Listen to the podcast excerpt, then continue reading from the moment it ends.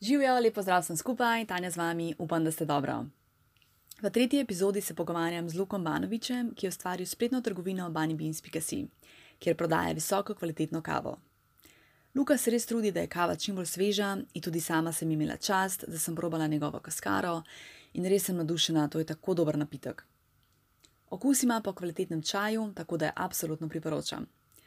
Če tudi vi želite piti dobro kavo ali kaskaro, obiščite Lukovo spletno stran bunnybeans.com. Stran je tudi navedena v opisu epizode. Prosim, prijavite se na podcast, delite ga z drugimi in moj mail je zmeraj odprt za mnenja in ideje.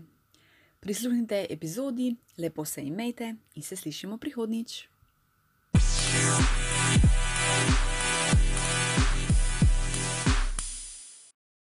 Luka, živijo, Ja, zdravo. kako si?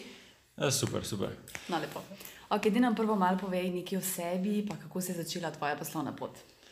Uh, ja, moja poslovna pot se je v bistvu začela pri enih 15-16 letih, uh, ko sem začel piti kavo. Uh, takrat nekako mi kava ni bila zelo všeč in me je zanimalo, zakaj je ta kava grenka in zakaj večinoma, ko jo pijem, je zmeraj grenka. In če bi se dal kaj narediti, uh, da ne bi bila tako grenka. Uh, tako da potem sem začel malo raziskovati, uh, kako je s pražnjem, kako je s pripravo, um, in me je nekako not potegnilo. No, tako da uh, to je bil tak začetek, uh, čist tak nedolžen. Nisem, ni, zanimalo me je, zakaj je kava grenka. No, tako da to me je potem potegnilo v samo kavo in pripravo in vse. Kdo je pa ponudil prvo skodelico kave? Mm, spomnim se, da je zelo navdušen bil moj bratranc, ki je takrat se že malo bolj poglobil v, v kavo. Mm, verjetno sem si jo sam nekaj naročil, pa hotel provati, ampak meni ni zelo navdušeno. Okay, uh, zdaj me pa zanima, odkud nabavljaš kavo, se pravi, kako si našel dobavitelje in kako poteka vsta ta proces. Ja, večinoma um, so dobavitelji, um, se pravi, neki um, dobavitelji iz Evrope, no, ki opravijo vse ta nabavni del v, na plantažah. Se pravi, jaz imam stik bolj s temi dobavitelji um, iz Evrope. Ampak pri vsem tem pa je zmer tudi zadnja ena zgodba, neke plantaže, se pravi, um, ponavadi. Uh, Vsak dobavitelj si želi čim bolj transparentno zgodbo vsakega, vsak, iz vsake plantaže, tako da skrbi za uh, čim boljše plačilo pridelovalcev. Um, sam potek, uh, kako kava pride do, do, do Evrope, oziroma do, do mene, pa je, da se pravi najprej uh, v različnih letnih delih leta, no, letnih časih, so v različnih, v različnih državah uh, te um, pobiranja potem kava približno dva meseca rabi, da se sprocesira, se pravi, da se uh, te kavne luščine poberejo, da kava pridobi na okusu, da zori, in potem se v teh juta vrečah uh, po 70 kg ponavadi um, um, odpošlje v Evropo, večinoma z ladjami. Ko da potem, ko pa pride v Evropo, pa se na nekih primernih temperaturah in vlagah skrbijo v skladiščih, da čim bolj ostane sveža in čim bolj okusna. Potem pa smo tukaj v Sloveniji, oziroma v Evropi, roasteri, ki vsak po svoje um, spraži kavo, tako kot se mu zdi najbolj optimalno, najbolj okusno, najbolj zanimivo. No. Tako da potem je pa tukaj na roasterju vsakemu, da izbere svoj način in potem predstavi to kavo kot čim bolj zanimivo. Kako pa pride kava do tebe, se pravi, ali s tovornakom? Ali... Večinoma, večinoma jo dobim ja, um, iz kakšnih večjih pristanišč, kot so Hamburg. Um, nekaj iz uh, italijanskih pristanišč pride, ampak ja, drugače pa severni del Evrope je najmočnejši po tej uh, kvalitetni kavi, tako da Hamburg, nekaj tudi nizozemska. A pa ti jo prav dostavijo do, do, do doma ali kako? Uh, ja, večinoma jo dobim, ker sem v pražarno direkt, se tako zmenim. Um, večinoma gre to po, po cesti. Ja. Uh -huh, je po cesti. najbolj optimalno tudi za kavo, da se ne izpostavlja kakšnim nižjim temperaturam v letalu. Recimo. V koliko času je pa recimo ti potem dobiš iz Hamburga? Mm, Oziroma, pač dva tedna, teden, dva tedna, no, to, to gre zelo hitro. Um, najdaljši, najdaljšo pot kava upravi od same plantaže do, do pristanišča, to pa lahko traja tudi kakšen mesec. Okay. Odkud ime za blagovno znamko Bunny Beans? Uh, ja, uh, se pravi, izhaja iz, v bistvu iz mojega primka. Um, ne, vsi prijatelji me kličejo Bani in um, potem nekako moji, moji binsi so potem Banijevi binsi, Bani bins, tako da iz, te, iz, te, iz tega izhaja ime. Ja, ja, ful dobro, res. Zdaj bi te pa prosila, da nam tako opišeš celoten proces predelave kave, tako da dobimo neko tako celoto, no, da si znamo predstavljati. Ja, v, v bistvu kavovec je rastlina, drevo, grm, no, um, nekaj med drevesom in grmom, ki proizvaja, uh, oziroma se na njej zrastejo tako kot neke češnje, če si predstavljamo v Sloveniji, ki imajo um, zelo tako sadno, sadni okus uh, in te češnjice imajo noter zrna, oziroma peške, mi pravimo, ki se potem oberajo. Zdaj, obstaja več načinov, ali da se češnje takoj odstrani iz češ, uh, peške, takoj odstrani češnje, ali se jih pusti nekaj časa in s tem se lahko razvijajo različni okusi. In potem, ko se te peške odstranijo, se um, nekaj časa potem procesirajo ali um, z vodo ali na soncu.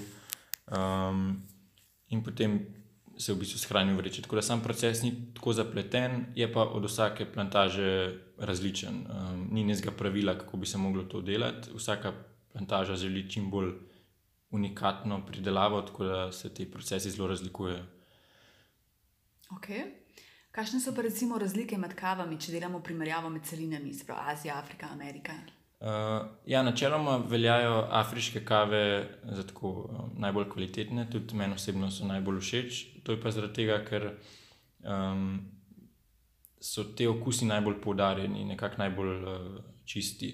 Um, in tudi afriške kave veljajo za nekoliko bolj. Ljudje pravijo, da so malo bolj kisle, no, ampak uh, malo več sadnih okusov je prisotnih v njih, medtem ko recimo v azijske kave imajo značilno to čokoladno noto, predvsem zaradi prsti, na kateri rastejo.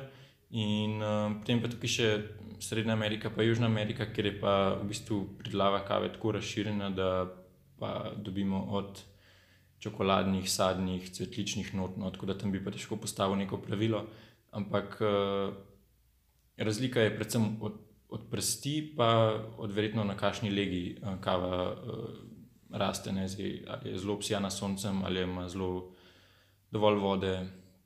Tako da nekako so najbolj uh, značilne, oziroma najbolj prepoznavne, kakšne afriške kave. No. Kaj pa recimo te kave, ki imajo dodane arome, ali ne vem, cimet, ali so ja, to umetne arome? Kot poznam, uh, so verjetno to umetne arome, ki se dodajo po praženju, uh, predvidevam. No, uh, po praženju, oziroma možno tudi pred praženjem, ampak ja, obstajajo načini, kako lahko se naravno aromatizira kava, ampak more, za to mora poskrbeti že um, na plantaži pridelovalcev. No. Um, mi, pražarne, pa za to težko skrbimo, oziroma vsaj jaz ne poznam procesa, kako se to dela. Um, so pa te kave kar dosti priljubljene v Sloveniji, no, tudi aromatizirane. Um, ker dodajajo na tako sladkobo kavi. Um, tako da ne, vem, ne poznam jih tako dobro, da bi, da bi vedel, kaj, kaj, kako se to predeluje, ampak opažam pa, da se priljubljenost povečuje. Pa misliš, da tudi kava zgubi kvaliteto zaradi tega? Um, ja, definitivno. Tisti, ki uh, dodajajo arome, um, zato sigurno ne uporabljajo najkvalitetnejših kavnih zrn, zato ker najkvalitetnejša zrna so že sama po sebi tako okusna, da arome ni potrebno dodajati. Tako da predvidevam, da se uporablja malo manj kvalitetne kave, ki so dovzetne za te okuse, no? ki, ki jim ti okusi nekako pašejo, ker kavi govorim, ker um, jo poudarijo, kakšne okuse jo naredijo bolj sladko, bolj prijetno za pit.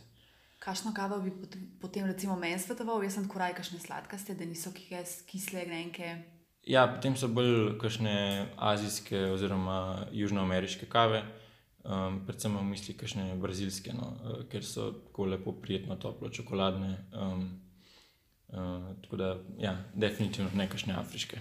Oh, ok, dobro.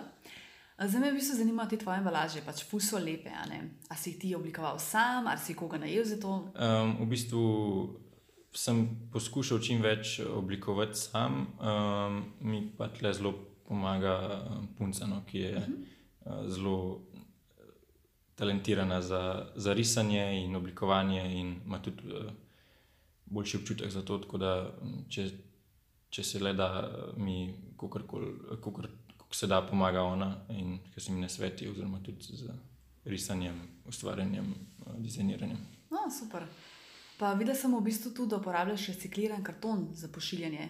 Uh, ja, to sem, um, ker sem nekako tak eko človek, uh -huh. uh, sem si želel, da bi uporabljal čim več materijalov, ki bi bili čim manj škodljivi za okolje. Tako da sem našel enega dobavitla um, kartonastih škatl, ki je um, omogočil uh, se pravi recikliran material. Tako da gre za podjetje, ki zbira papir, karton. Iz Slovenije? Uh, ne, Aha. gre za evropsko, evropsko podjetje in potem v bistvu izdeluje samo iz recikliranih materijalov te svoje um, embalaže oziroma škatle za me. Ok, super. Uh, kako pa bi se zdaj me zanima ta celoten postopek naročila kave, se pravi na tvoji spletni strani, od naročila do pošiljanja? To v bistvu ti vse samo upravljaš, kako je s tem? Ja, v bistvu zaenkrat, če vse samo upravljam, um, čim bolj skrbim, da je ta proces čim, čim lažji, čim manj uh, kakšnih zapletov, no, če se dogajajo zmeri, ker je kakšna elektronka, oziroma te tehnične stvari se kdaj kaj porušijo. Ampak, ja, ko je naročilo sprejeto, jaz potem se odpravim v pražarno, kjer um, spakiram uh, v vrečko, zmeraj, če kdo naroči um, mleto kavo, jo zmeljem tik pred, pred tem, ko jo potem oddam na pošto oziroma odpeljem. Uh, tako da skrbim, da je to čas od mletja do zaužitja čim krajši in isto z praženjem. Se pravi, nikoli si ne, ne pražim vnaprej, ne vem, kakšnih količin, ker um, želim, da je čim bolj sveže vse. Tako da, ja, vse skrbim, jaz potem odnesem na pošto in večinoma naslednji dan um, se že paket dobi. Koliko časa ima recimo ta kava rok uporabe? Um, načeloma zakonsko mislim, da je rok uporabe okrog eno leto, čeprav uh. -huh. se samo kavo načeloma tudi po enem letu nič ne zgodi, ker bi lahko postala škodljiva je pa priporočen rok uporabe, ki ga pa nekako eh, priporočamo pražari, je pa približno 4-5 mesecev od pražnja, ker takrat ima kava še okus, potem pa začne ta okus izgubljati um, in postane tako prazna, um, brez kakšnega karakterja. Zanimivo. Kaj je kaskara? Ja, kot sem, sem že prej omenil, um, se pravi, kava zraste kot neka češnja. In mi poznamo samo uporabo teh uh, pešk. Uh, nekateri proizvajalci pa so rekli, okay, zakaj bi pa mi potem vse drugo, kar zraste na te češnje, vrgli stran. Tako da v bistvu to meso češnja, ko bi rekel, no, to, kar mi poznamo kot ovoj, lupino, sušijo na soncu um, in se uporablja lahko potem kot nek čaj. Ena taka kombinacija kave in čaja, ima zelo malo kofeina prijetno je sladka, no, tudi za kakšne koli bruje, um, zelo primerna. Postaja pa vse bolj popularna in počasi se bojo verjetno ljudje tudi bolj spoznali. No. A pa to se v zadnjem času? Ja, to je zadnjih par let. Um, jaz jo prej nisem zasledil, mm -hmm. tako da bi rekel, um, da je ja, en tak trend v zadnjem času. Odkje pa je prišlo to? Mislim, če mm, ne, to ne vem, ampak jaz. Uh, Večinoma, ko sem zasledil, no, so te kaskare prihajajo iz Južne Amerike, tako da predvidevam, da se je tam to začel, tam je največ dobaviteljev te kaskare, um, tako da verjetno v Južni Ameriki. Ti jo imaš tudi v ponudbi, ne sem videla. Ja, jaz sem jo, meni je to tako navdušilo, ker nisem poznal tega, nisem poznal kaskare in ko sem to v bistvu ugotovil, kaj je, sem tako jo želel naročiti, no, tako da sem jo dal v ponudbo eden redkih, ki imam to v Sloveniji, tudi v ponudbi in se mi zdi ena tako lepa popestritev tudi za tiste, ki morda kave ne pijejo, pa jim ni tako všeč okus kave, da poskusijo kaskaro, ker je drugačna, ker je um, če drugačno okusi pride do izraza. No, to moram tudi jaz še probati, kar me zanima. Uh, da mi pove, kaj pomeni speciality in kaj je single origin, kaj je razlika. Ja, specialty, oziroma speciality je oznaka za kave, ki dosegajo um, rezultat, oziroma skor um, nad 80. Se pravi, če si predstavljamo, da se zbere skupina ljudi in ocenjuje kakovost kave od nič do 100, in uh, za specialty se lahko označuje kavo, ki je dosegla teh 80 točk, se pravi od 80 na vzgor.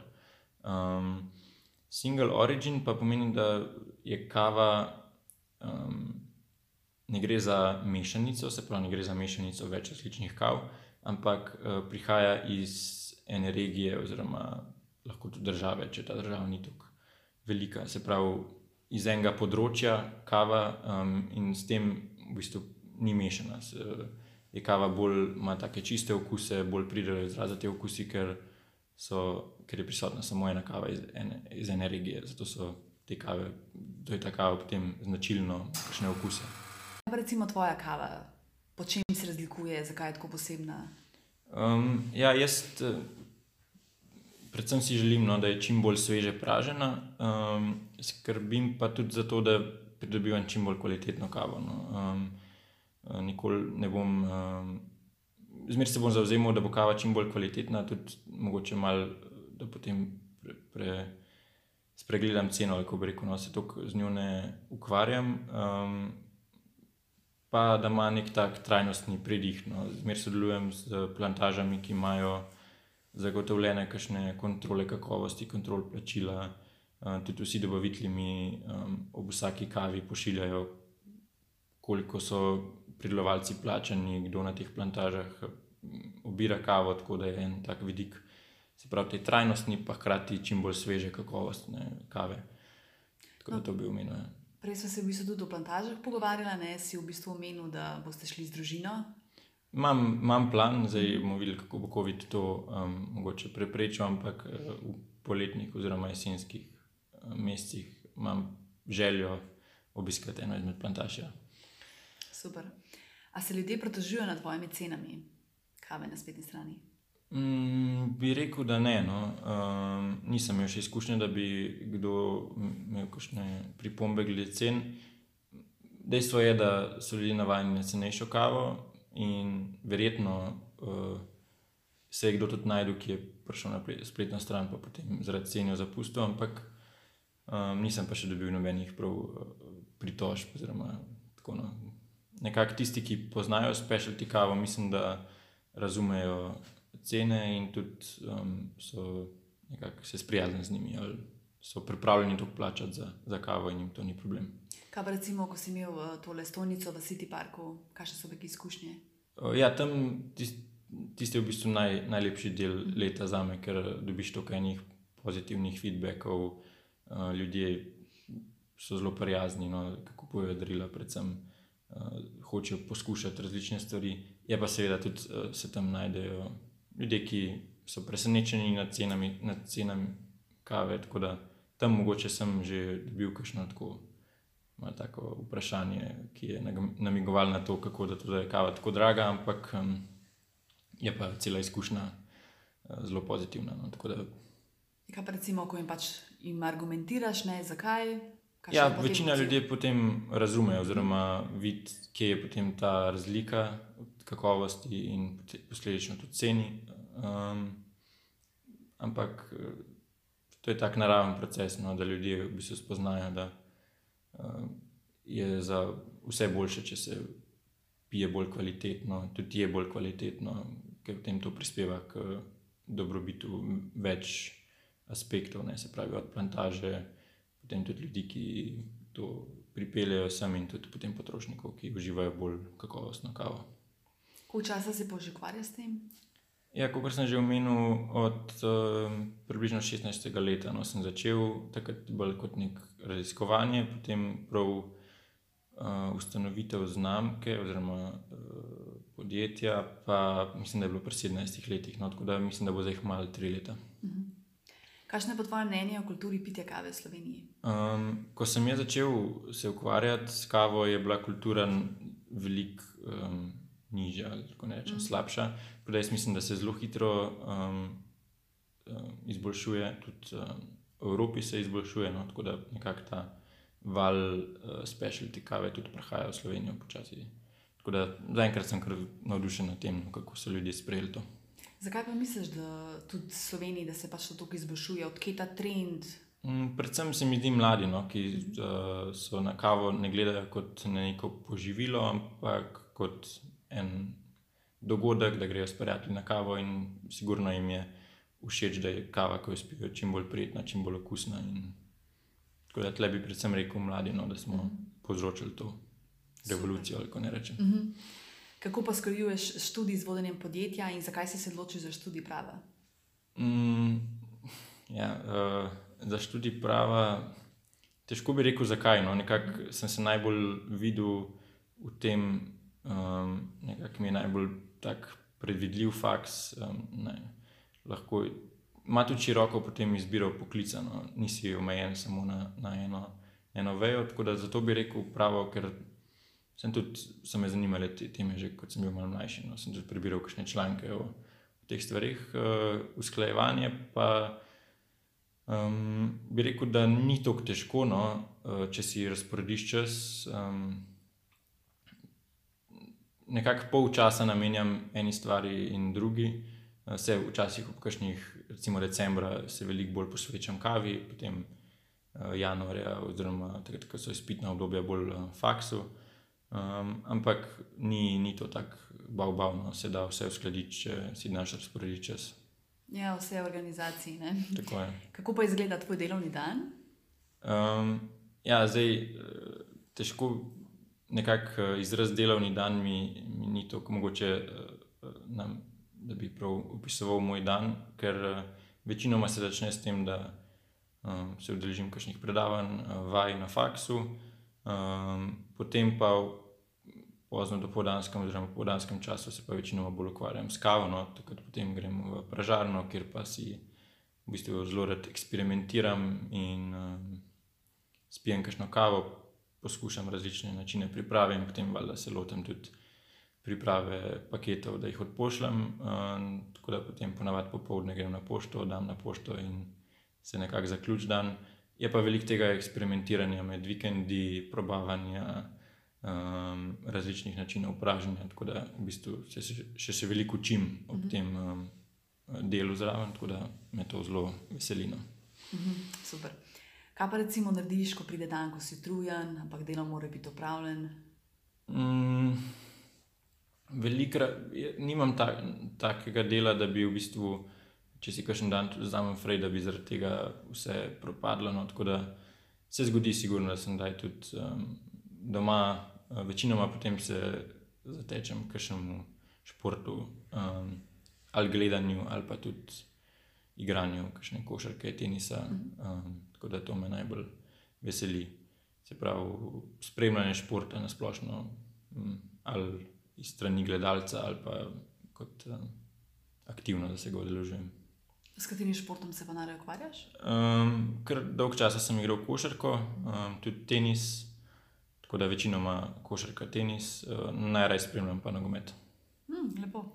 Kakšno kavo pa ti najraje piješ, pa koliko jih spiješ na dan? Moj uh, okus se je v zadnjih letih zelo spremenil, no, tako da v zadnjem času se zelo rad pripravljam kakšno filter kavo um, ker se mi zdi, da se ta, te okusi res tako zelo lepo poudarijo. Um, ko kaos pijem, je pa zelo odvisno od dneva. No. Če sem tukaj veliko pražarni, če moram pražiti, če poskušam, je potem ta številka kar visoka. Um, če pa v pražarno ne pridem, oziroma tisti dan ne, ne, jo ne obiščem, potem pa lahko tudi samo eno. Tako da je zelo odvisno od 1 do 5, 6, sigurno. Um, na dan, wow. odvisno od dneva. A pa potem lahko zaspiš večer? Ja, zaenkrat nimam nobenih težav s tem. Kakšno je pa tvoje mnenje glede konkurence, kako gledaš na to? Um, ja, se mi zdi, da v Sloveniji je zdaj konkurenca, se je kar nas je vse več no, teh pražarn, mikropražarn. Um, se mi zdi, da bi lahko malo bolj sodelovali med sabo. Um, ampak se mi zdi, da bo to prišlo s časom, no, ko se bo vse malo bolj razvilo. Um, malo pogrešam sodelovanja, um, da bi nekako izmenjali kakšno mnenje um, in potem mogoče skupaj izboljšali um, kvaliteto kave. Še. Ker sam delovati je sigurno teže kot, kot neka skupina. Ampak, ti lahko začneš, ti daš neko pobudo, inicijativo. Ja, sej, te pobude se stalno. Um, odražajo, ko ne rečem, so prisotne. Tako da mislim, da v prihodnih mesecih, letih bo sigurno tega sodelovanja več. No. Uh mhm. -huh. Kako pa skrbi za svoje zdravje? Mm, čim več se provodim ukvarjati s športom.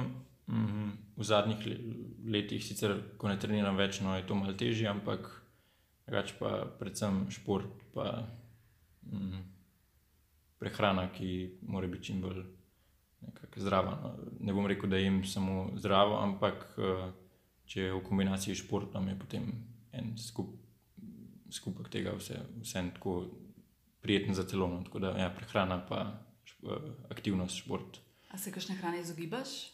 Mm, bom rekel, da prav ljubitelj zelenjave nisem, ampak um, drugače pa ne, drugo pa vse jem. Um, vse pomalo.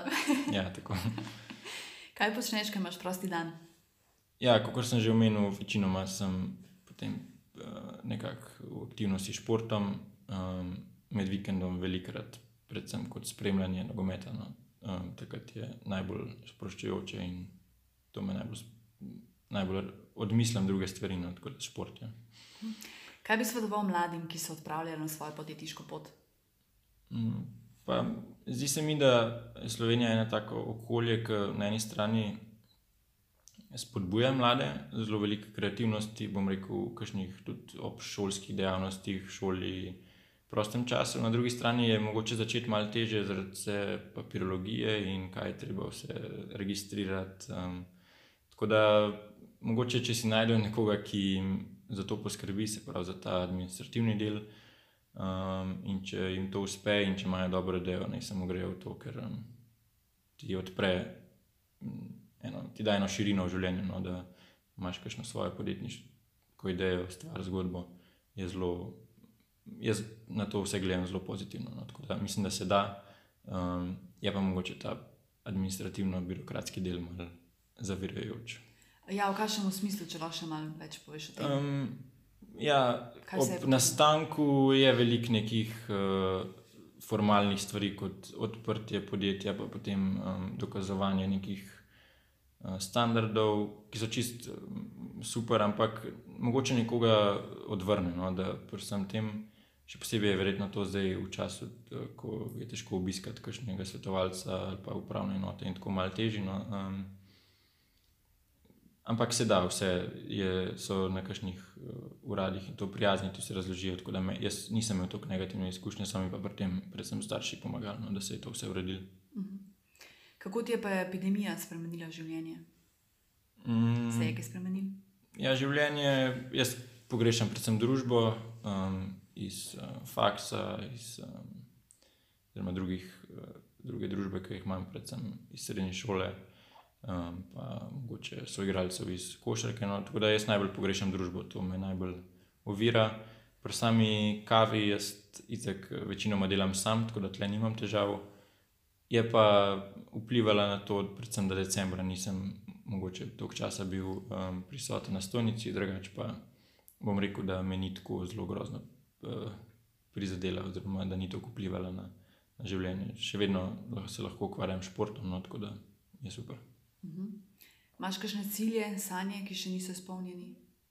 Ja, želim si, želim si uh, še v prihodnosti enkrat odpreti neko kavarno, kjer bi bil tak uh, experience kavo čim, čim boljši, čim bolj tako na takem sproščenem uh, vzdušju. Tako da ja, eno tako sproščeno, prijetno, toplo kavarno za dobro kavo. Wow, super.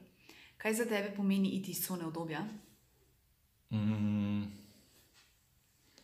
verjetno poskušati kakšno hrano, predvsem zelenjavo, ki jo ne maram. Um, drugače pa to najbolj. Ja. Ali pa tudi včasih uh, iz to nadobja, valjda moraš iti na faksu, ko se treba malo več učiti, da ja, te dve stvari. Ampak ni pa to nič tazga, mhm. -huh. groznega. Kaj pa recimo, ko si dobavitelj kontaktiral, a to vse preko maila ali si tudi mogel kaj? Um, večinoma gre prek maila oziroma prek kakšnih klicev, WhatsApp, kaj tasga, da te malo spoznajo. Ni pa to, bom rekel, kakšna stresna stvar. No, vsi, vsi si želijo, da, da je čim bolj vse gladko in preprosto. No, tako da tle, tle je zelo prijetna izkušnja, imam z vsemi. No, Zaenkrat nisem imel kakšnih uh, komplikacij. Katere so prednosti in slabosti tvojega posla? Mm, prednosti so to res, da lahko ustvarjam, da si lahko izbiram, kakšne kave bom dal v ponudbo, da nimam tlenih pravil, ki bi jim mogel slediti. Mm, da lahko, predvsem pa da uživam v tem, da ni, da ni stvar stresna. Mm, slabosti. Um, slabosti so to mogoče, no, da je veliko odvisno od, od tebe, se pravi, um, moram skozi skrbeti, da je izkušnja od nakupa do potem zaužitja čim boljša, tako da je stalno, um, moraš biti pozoren na vse stvari, um, in tudi posledično tega lahko potem tudi um, se posel izgubi ali pa um, se pravi, malo upade, če za to ne skrbiš. Tako da v bistvu hkrati slabost in prednost je, da moraš biti skozi pozoren na vse, da je vse perfektno, čim boljše, kot znaš. No. Ok, za konec, kakšni so načrti za prihodnost? Ja, kot sem že omenil, um, kakšen uh, coffee shop tak, uh, bo sigurno v prihodnosti. Zdaj, ne bom rekel, jih bližnji, zato ker sigurno uh, ne bo to zelo malo, ampak uh, ja, ena taka kavarna, pa ostati čim bolj um, v očeh ljudi, čim bolj osebno, čim bolj, da ne bo znamka šla v neko uh, smer. Komercializacije, ampak da bo še vedno Bunny Beans osebna znamka, um, da bo ostala taka, kot je. Se pravi, to si želiš delati leta in leta? Um, ne vem, to me tudi starši sprašujejo, ampak uh, definitivno do takrat, ko bom v tem užival. Če bom nehal uživati tako kot zdaj, bom potem verjetno se preusmeril na kakšno drugo stvar. Um, tako da, ja. tako bom, do, dokler bom užival, bom definitivno se ukvarjal s kavo. Kaj pa recimo, ne zdaj imaš pač pražarno, kakšni so še kaj cilji tle? kaj bo mm. še. Ja, prežarna se lahko uh, dograjuje, kako bi rekel, z boljšimi um, aparati, z bolj dodelano uh, infrastrukturo in tako, tako da tle je še veliko prostora za izboljšave. Ampak to pride tudi potem z mal um, povečanjem vsega skupaj. Um, tako da, ja, um, sigurno je še prostor, da se digitalizira in izboljša to um, infrastrukturo, ki jo imam, ampak to bo vse prišlo s časom. Bi še kaj dodal? Neč, hvala za, hvala za, za pogovor, super je bilo. Da... Ja, hvala tudi tebi, ja, da si, si vzel čas. Z veseljem, z veseljem. Luka, lepo se me, jaz ti želim vse dobro. Hvala. Čau. Adijo.